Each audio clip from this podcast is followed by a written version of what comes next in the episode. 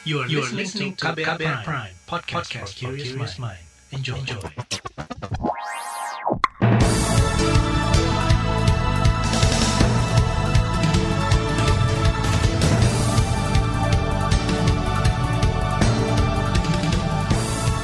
Selamat pagi saudara, senang sekali kami bisa menjumpai Anda kembali melalui program Buletin Pagi edisi Jumat 21 Mei 2021. Bersama saya Naomi Liandra. Sejumlah informasi pilihan telah kami siapkan, di antaranya pemerintah perluas kelompok prioritas penerima vaksin COVID-19. Jokowi optimistis pertumbuhan ekonomi bisa capai 7 persen. Eskalasi kekerasan di Papua meningkat karena level teroris dari pemerintah. Terbaru di Buletin Pagi. Kementerian Kesehatan akan memastikan pelaksanaan screening ketat bagi kelompok orang dengan gangguan jiwa atau ODGJ dan kelompok disabilitas sebelum menerima vaksinasi corona. Menurut juri bicara vaksinasi Kementerian Kesehatan Siti Nadia Tarmizi, kedua kelompok itu masuk dalam penerima vaksinasi prioritas lantaran rentan dari aspek geospasial, sosial, dan ekonomi tahu ada ODGJ yang memang berada di fasilitas pelayanan kesehatan dalam perawatan dan ada juga ODGJ yang memang berada di keluarga bahkan di mana puskesmas itu sudah melakukan pendataan sebenarnya dan data ini yang digunakan oleh puskesmas untuk kemudian uh, mendapatkan sasaran ODGJ.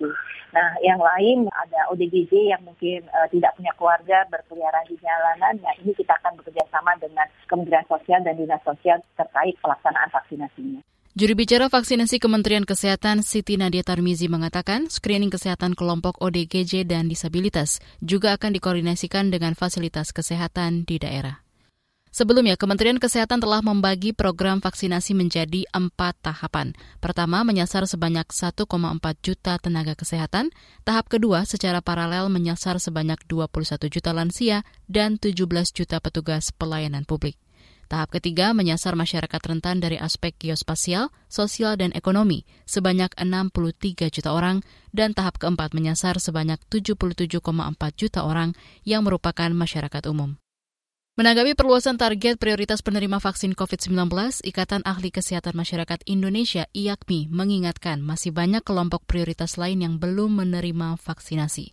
Ketua IAKMI Ede Surya Darmawan mengingatkan jangan sampai mengabaikan kelompok prioritas lain yang targetnya masih rendah seperti pada lansia intinya sih kan makin makin luas makin bagus prinsip dasarnya. Cuman isunya adalah bagaimana kecepatan itu ya, percepatan ya supaya segera yang ditargetkan itu betul-betul bisa dilaksanakan dengan sebenar-benarnya gitu. Karena kalau hanya terucap, tidak terlaksana, yang ada pun kan belum selesai itu, itu isunya. Tenaga kesehatan itu baru boleh relatif dikatakan selesai lah ya. Tapi yang lain targetnya gimana? Itu kan masih masih jauh banget gitu. Itu tadi Ketua IAKMI Ede Surya Darmawan. Hal serupa juga dikatakan epidemiolog dari Griffith University Australia, Diki Budiman. Menurutnya, pemberian vaksinasi bagi lansia, penyandang disabilitas, dan ODGJ harus dijadikan prioritas dengan mengutamakan aspek keselamatan. Pengetatan screening kesehatan tetap harus dilakukan agar kejadian ikutan pasca imunisasi KIPI bisa diminimalisir. Sementara itu terkait adanya laporan efek samping berat yang dialami masyarakat setelah menerima vaksin AstraZeneca BET CTMAV 547 yang juga diduga merenggut nyawa dua orang peserta vaksinasi, pemerintah akhirnya menghentikan penggunaan vaksin tersebut. Menurut juri bicara Satgas Penanganan COVID-19 Wiku Adhisa Smito, investigasi yang dilakukan terkait dengan uji toksisitas serta sterilisasi dari produk vaksin. Saat ini uh, Badan POM masih melakukan uh, investigasi uh, dalam rangka handling vaksin ini terkait adanya dugaan efek samping fatal dari vaksin AstraZeneca CTMA V547. Investigasi yang dilakukan ialah pengujian toksisitas dan abnormal serta sterilisasi dari vaksin tersebut. Menurut juri bicara Satgas Penanganan COVID-19 Wiko Adhisa Smito, selain BPOM, Komnas PP KIPI, Komda PP KIPI, dan organisasi profesi terkait sedang melakukan analisa kasualitas hubungan sebab akibat penggunaan vaksin itu terhadap KIPI. Analisa yang dilakukan antara lain melihat riwayat penyakit penerima vaksin termasuk riwayat alergi, gejala yang dialami, dan waktu mulai gejala dirasakan. Komisi Nasional Kejadian Ikutan Pasca Imunisasi Komnas KIPI juga membenarkan hingga saat ini telah menerima banyak laporan terkait efek samping yang dialami oleh para peserta vaksinasi. Ketua Komnas KIPI Hindra Irawan Satari mengatakan, KIPI berat atau serius yang tercatat hingga saat ini berjumlah 229 kasus dan KIPI ringan berjumlah 10.600 kasus. Bahkan ia menyebut ada 30 orang meninggal setelah diberi vaksin Sinovac dan AstraZeneca. Yang meninggal itu yang dari Sinovac 27. Dari 27 itu 10 orang karena terinfeksi COVID, 14 orang karena penyakit jantung dan pembuluh darah, satu orang karena gangguan fungsi ginjal secara mendadak, dua orang diabetes mellitus dan hipertensi yang tidak terkontrol. Kenapa kami bisa bisa membuat diagnosis itu? Karena datanya lengkap. Sementara itu terkait tiga lainnya, Ketua Komnas KIPI Hindra Irawan Satari mengatakan, setelah mendapat vaksin AstraZeneca, satu orang meninggal karena sudah terinfeksi COVID-19, satu orang karena radang paru, dan satu lainnya belum diketahui penyebabnya. Kata dia, sebagian besar kipi yang terjadi bisa ditangani oleh petugas kesehatan. Dia meminta masyarakat untuk jujur saat melakukan screening kesehatan, karena informasi itu penting untuk menentukan boleh tidaknya seseorang mendapat vaksin. Informasi perkembangan ekonomi di tengah pandemi akan hadir usai jeda. Tetaplah di Buletin Pagi KBR. You're listening to KBR Pride, podcast for curious mind. Enjoy!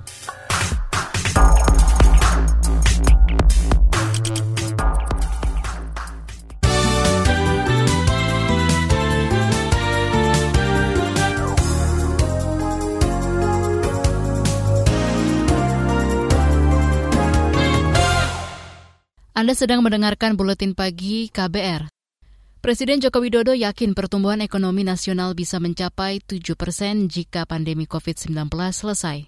Jokowi berujar, sejak pandemi melanda Indonesia Maret tahun lalu, pertumbuhan ekonomi langsung turun hingga menyentuh angka minus. Itu terjadi lantaran konsumsi menurun. Jika COVID-19 di daerah-daerah bisa diselesaikan di kuartal kedua tahun ini, Jokowi yakin roda perekonomian bisa berangsur pulih. Saya sudah menyampaikan pada menteri dan ini didukung oleh gubernur, bupati, dan wali kota karena ekonomi nasional itu berasal dari agregat di kabupaten, kota, dan provinsi. Kuartal kedua berarti April, Mei, Juni target kita kurang lebih 7 persen. Gimana caranya? Caranya ya COVID-nya selesaikan sehingga orang percaya diri untuk konsumsi, untuk ada demand, sehingga produksinya bergerak. Presiden Joko Widodo mengatakan target pertumbuhan ekonomi 7 persen memang bukan hal yang mudah. Namun ia yakin jika daerah mampu menekan kasus COVID-19 sehingga dunia usaha akan kembali bergairah. Ia mencontohkan Riau menjadi salah satu daerah yang perekonomiannya sudah tumbuh positif. Namun dengan kasusnya yang kembali meningkat, Presiden mengingatkan agar kepala daerah setempat bekerja keras untuk mengendalikannya.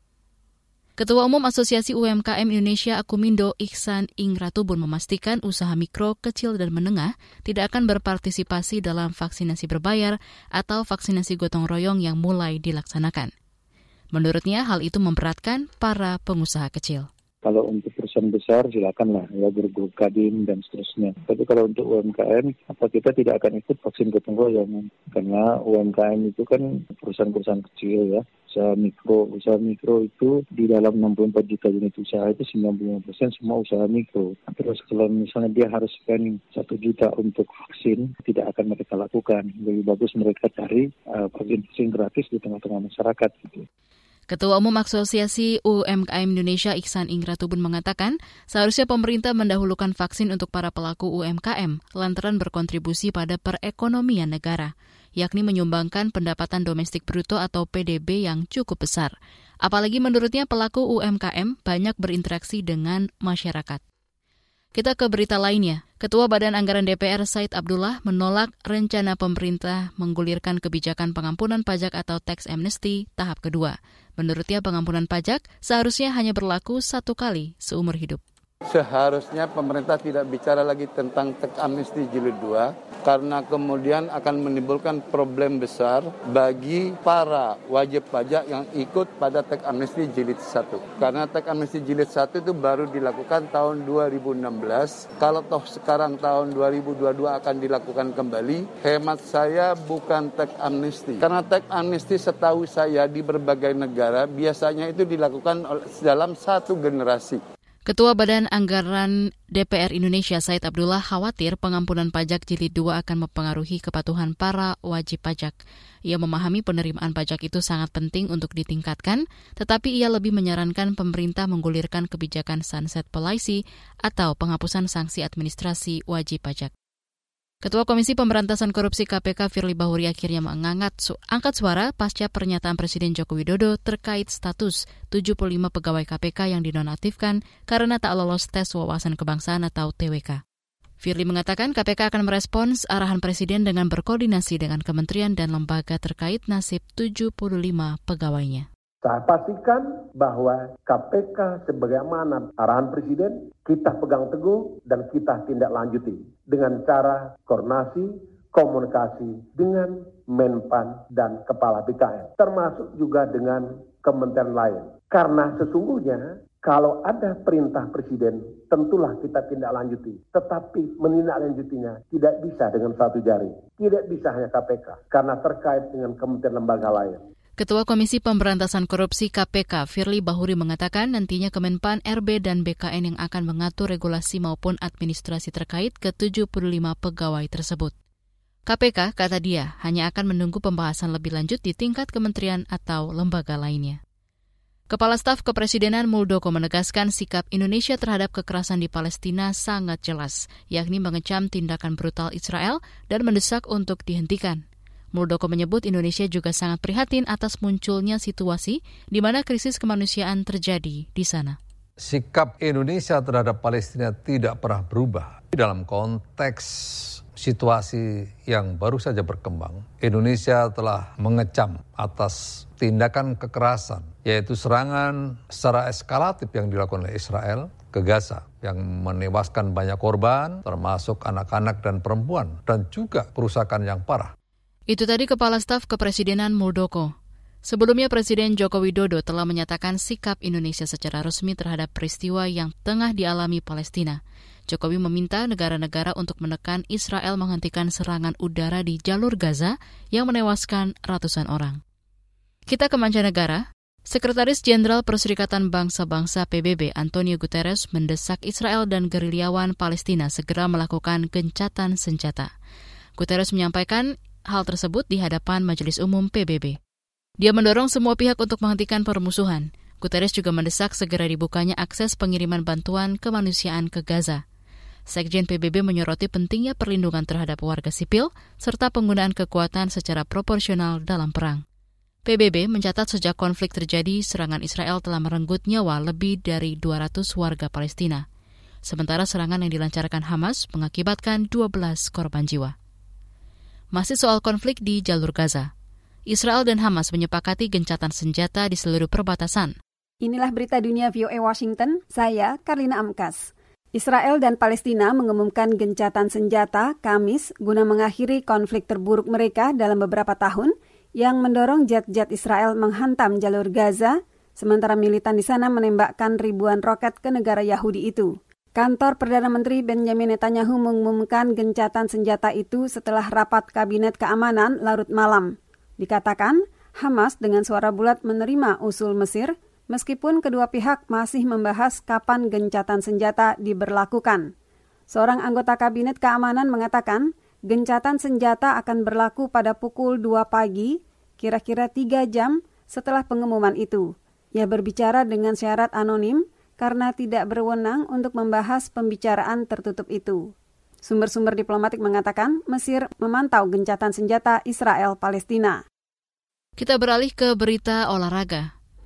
Panitia penyelenggara Olimpiade dan Paralimpiade Tokyo akan membatasi jumlah ofisial dan pekerja luar negeri dalam turnamen tersebut menjadi 78 ribu orang atau berkurang lebih dari setengah jumlah awal yakni 180 ribu. Dilansir dari Antara, CEO penyelenggara Toshiro Muto mengatakan pengurangan tidak berdampak pada jumlah atlet yang akan ikut pertandingan sebanyak 15.000 orang. Kendati begitu, Toshiro Muto mengatakan pengurangan masih mungkin dilakukan tergantung dari perkembangan COVID-19 di Jepang. Laporan khas KBR bertajuk Target Tinggi Pertumbuhan Ekonomi RI dinilai tak realistis akan kami hadirkan sesaat lagi. Tetaplah di Buletin Pagi KBR. You're listening to KBR Pride, podcast for curious mind. Enjoy!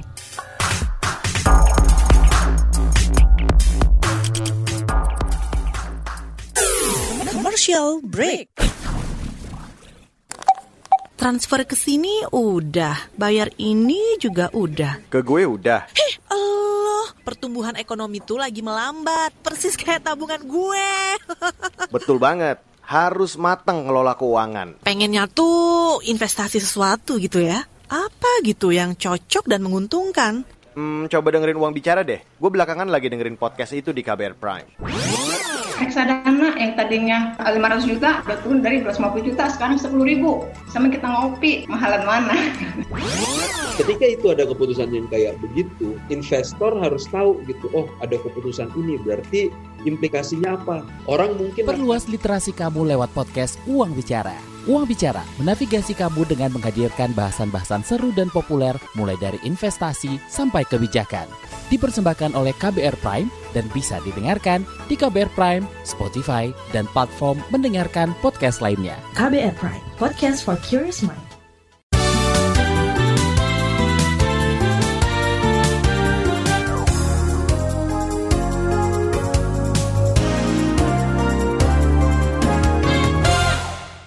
Pemerintah dinilai memasang target terlalu tinggi untuk pertumbuhan ekonomi nasional. Sejumlah angka yang ditargetkan dianggap tidak realistis, sebab penanganan COVID-19 yang jadi kunci utama bergeraknya roda ekonomi masih belum terkendali. Berikut laporan yang disusun jurnalis KBR Astri Septiani. Saudara, dampak pandemi COVID-19 masih membayangi laju perekonomian Indonesia. Badan Pusat Statistik atau BPS mencatat pertumbuhan ekonomi Indonesia terkontraksi atau minus 0,74 persen pada triwulan pertama 2021 dibandingkan tahun sebelumnya. Hal itu disampaikan Kepala BPS Suharyanto pada awal bulan ini. Maka pertumbuhan ekonomi Indonesia pada triwulan 1 tahun 2021 ini masih mengalami kontraksi sebesar 0,74 persen. Jadi sekali lagi secara Y on Y perekonomian Indonesia triwulan 1 mengalami kontraksi 0,74 persen, sementara secara Q2Q mengalami kontraksi 0,96 persen. Kepala BPS Waryanto menambahkan di triwulan pertama 2021 konsumsi rumah tangga Indonesia tercatat minus 2,23 persen. Sementara investasi juga minus tipis 0,23 persen. Suwaryanto menyebut hal itu sebagai tantangan pemerintah sebab dua komponen tersebut memberi andil besar terhadap pertumbuhan ekonomi, yakni 88,91 persen dari total produk domestik bruto atau PDB Indonesia pada triwulan pertama tahun ini. Meski ekonomi Indonesia masih minus di triwulan pertama, Presiden Joko Widodo tetap percaya diri dengan target pemerintah, yakni ekonomi akan tumbuh 7 persen pada triwulan kedua 2021 kuartal kedua artinya April, Mei, Juni. Saya sudah menyampaikan pada Menteri dan ini didukung oleh Gubernur, Bupati, dan Wali Kota karena agregat karena ekonomi nasional itu berasal dari agregat di kabupaten, kota, dan provinsi. Kuartal kedua berarti April, Mei, Juni, target kita kurang lebih 7 persen. Gimana caranya? Caranya ya COVID-nya selesaikan sehingga orang percaya diri untuk konsumsi, untuk ada demand, sehingga produksinya bergerak. Jokowi mengakui target pertumbuhan ekonomi 7 persen pada triwulan kedua memang bukan hal yang mudah untuk dicapai. Namun Presiden yakin jika daerah mampu menekan kasus COVID-19, dunia usaha akan kembali bergairah. Selain menargetkan ekonomi akan tumbuh 7 persen pada kuartal kedua, pemerintah memasang target secara keseluruhan 2021 perekonomian Indonesia tumbuh 5,3 persen. Selain itu, Menteri Keuangan Sri Mulyani Indrawati saat rapat paripurna dengan DPR menyampaikan proyeksi pertumbuhan ekonomi nasional tahun 2022 di kisaran 5,2 hingga 5,8 persen. Menurutnya target yang lebih besar dari proyeksi tahun ini telah mempertimbangkan faktor pandemi COVID-19 yang terkendali. Dengan catatan COVID-19 masih dan dapat terus dikendalikan, pemerintah mengusulkan kisaran indikator ekonomi makro untuk penyusunan RAPBN 2022 sebagai berikut. Pertumbuhan ekonomi pada kisaran 5,2 hingga 5,8 persen. Di sisi lain, Direktur Eksekutif Lembaga Kajian Ekonomi Keuangan Indef Tauhid Ahmad menilai target-target pertumbuhan ekonomi yang dipasang pemerintah terlalu tinggi. Dia memprediksikan kuartal kedua nanti ekonomi hanya akan tumbuh maksimal 5 persenan saja. Menurut Tauhid, masih butuh waktu panjang untuk membalikan ekonomi pada keadaan semula seperti sebelum pandemi terlalu tinggi angka uh, angka mereka begitu ya di uh, kisaran bahkan 5,2 minimum ya itu masih terlalu tinggi bahkan seolah-olah sudah kembali normal. Saya masih jauh lah begitu. Nah beberapa lembaga bahkan eh, menyatakan 2022 kita masih di bawah 5 persen. Misalnya World Bank itu memperkirakan pertumbuhan ekonomi 2022 hanya 4,8. Jadi udah direvisi memang tinggi awal tapi begitu situasi kita relatif uh, rendah bawah uh, bawah 5 lah. Kami dengan situasi seperti itu masih melihat masih di bawah uh, 5 persen untuk tahun 2022. Menurut Tauhid, pengendalian COVID-19 masih menjadi kunci utama untuk membalikan keadaan ekonomi menjadi tumbuh positif. Sebaliknya, jika kasus bertambah dan pandemi tak terkendali, target pertumbuhan dan cita-cita pemerintah hanya akan jadi angan-angan dan mimpi yang tak dapat terwujud ketika kasus naik biasanya ngerem. Kebijakan yang ngeremnya apa? PPM ke PPKM mikronya masih dilanjutkan. Kebijakan WF-nya masih dilanjutkan. Bahkan nanti perlu dipertimbangkan apakah kegiatan-kegiatan uh, pendidikan uh, yang lain-lain itu apa masih bisa diperbolehkan ketika kasus uh, masih relatif tinggi bahkan meningkat setelah lebaran. Nah kalau masih uh, larangan PPKM dan uh, itu diberlakukan otomatis agak berat kita ngejarnya gitu. Demikian laporan khas KBR ini disusun Astri Septiani, saya Reski Mesanto. Informasi dari daerah akan hadir usai jeda. Tetaplah di Buletin Pagi KBR. You're listening to KBR Pride, podcast for curious mind. Enjoy!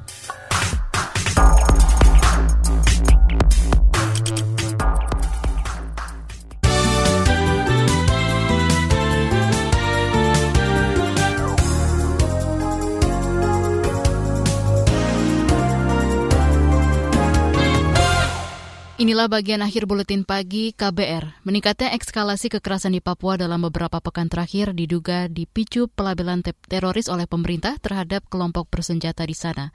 Kepala Kantor Komnas HAM RI Perwakilan Papua, Fritz Ramandi mengatakan, kelompok bersenjata di Papua atau Organisasi Papua Merdeka OPM makin eksis untuk menunjukkan keberadaannya uh, ini menunjukkan bahwa ada komunikasi yang sangat intens di semua wilayah ya, terutama wilayah pegunungan untuk uh, mengambil peran merespon semakin banyaknya aparat yang dikirim wilayah Papua pasca penetapan TPNOV ini sebagai teroris. Kepala Kantor Komnas HAM Perwakilan Papua Fritz Ramandi meminta pemerintah tidak merespon ancaman itu dengan kekerasan. Menurutnya, penegakan hukum oleh kepolisian penting dilakukan untuk memastikan rasa aman terhadap warga sipil. Kasus COVID-19 di Kabupaten Cilacap, Jawa Tengah melonjak dalam tiga hari terakhir. Juri bicara Satgas Penanganan COVID-19 Cilacap, M. Wijaya mengatakan, tracing dan testing dilakukan seperti biasa, namun positivity rate-nya harus bertambah tren tiga hari terakhir memang naik loh dari 300 sekian menjadi 426 sekarang 445 sekarang ini hmm. naik lagi naiknya nggak nggak seberapa sih masih masih di bawah 500 iya secara keseluruhan loh maksudnya loh itu loh hmm. karena kar, ya karena karena hasil tracing mereka-mereka yang kontak erat gitu gitu loh. Hmm, kota yang banyak kan kota. Kalau dibilang klaster sementara bukan klaster, umum itu dari umum itu. Lalu hanya peristiwa biasa, iya keluarga gitu. Juri bicara Satgas Penanganan COVID-19 Cilacap M. Wijaya mengatakan kasus terbanyak berada di area Cilacap Kota. Hingga Kamis, total kasus COVID-19 mencapai lebih 11.000 orang dengan angka sembuh lebih 10.000.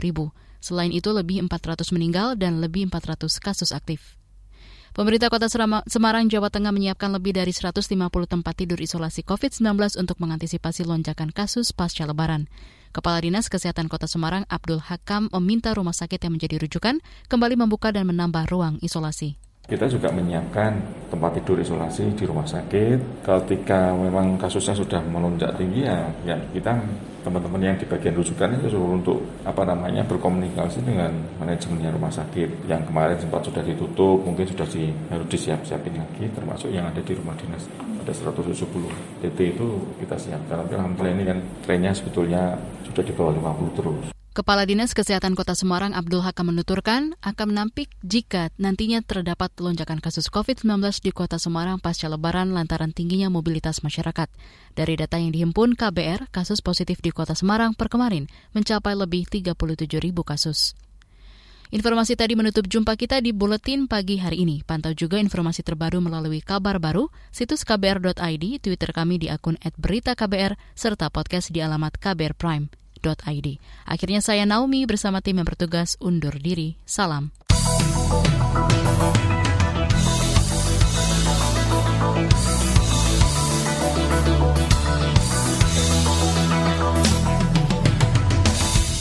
KBR Prime, cara asik mendengar berita. KBR Prime, podcast for curious mind.